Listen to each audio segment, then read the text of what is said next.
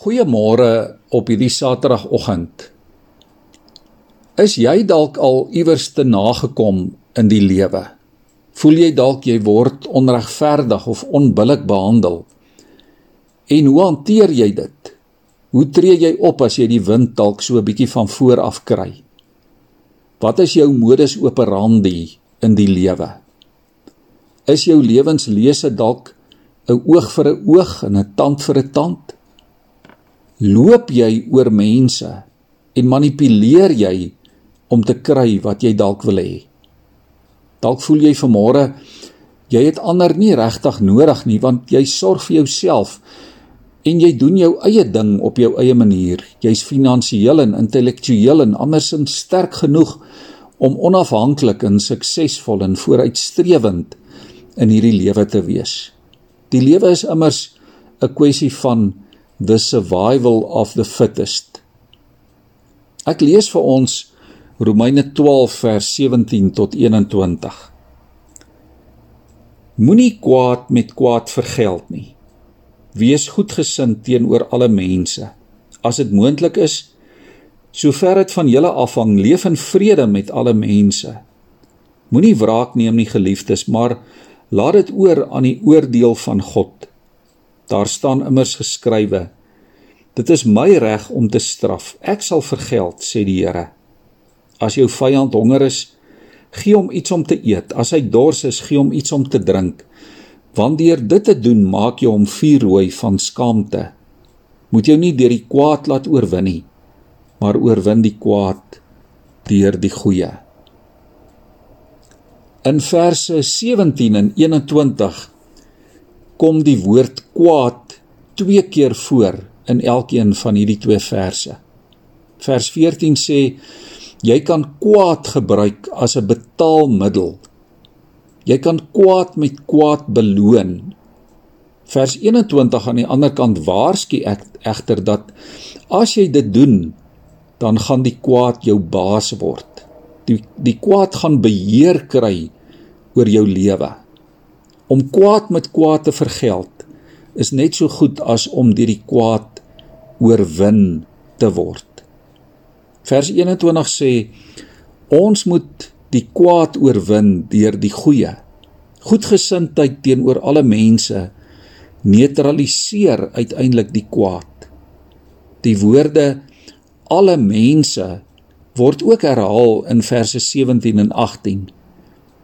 Wees nie net goed vir die wat goed is vir jou nie of vir die wat vir jou iets beteken of wat vir jou dalk voordele inhou nie.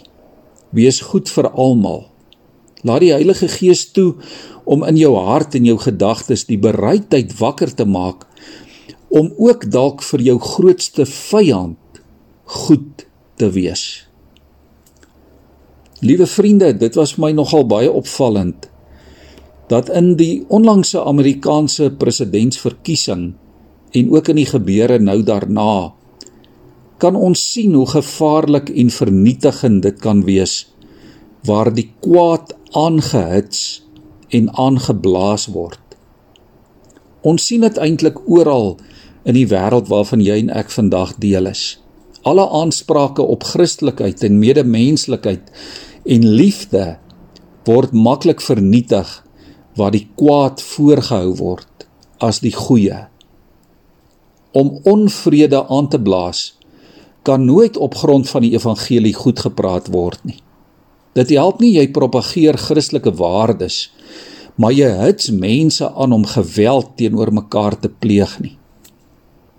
Wanneer Jesus kom en byvoorbeeld op verskillende plekke sê die evangelie bring nie noodwendig vrede nie, maar dikwels ook stryd, het hy waarskynlik bedoel dat dit juis 'n stryd kan wees om alle mense lief te hê.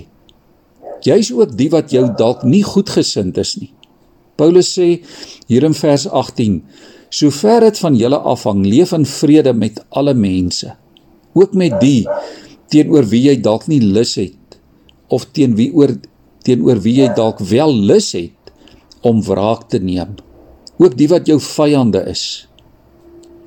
Ons kan die kwaad net oorwin in hierdie wêreld deur die goeie in jou gesin in jou kerk, in jou land, in jou ekonomie, in die politiek, in die sosiale lewe, op elke vlak van die samelewing. Vrede is altyd beter as konflik en oorlog. Oorlog, liewe vriende, het net te veel bloedspore. Net die gees van God kan ons help om dit uit te leef. Geesvervuldheid beteken juis om myself vir God en vir my medemens te gee. Kom ons buig ons hoofde vir oggend in gebed voor die Here. Here, ons gebed is dat U ons sal help om elke dag gehoorsaam te wees aan u woord. Here help ons om u Heilige Gees toe te laat om ons te vul sodat u gesindheid kan deurwerk ook in ons verhoudinge. Here help ons om elke keer wanneer ons te nagekom word of wanneer ons voel ons word te nagekom om dan eers geestelik diep asem te haal voordat ons praat en voordat ons optree.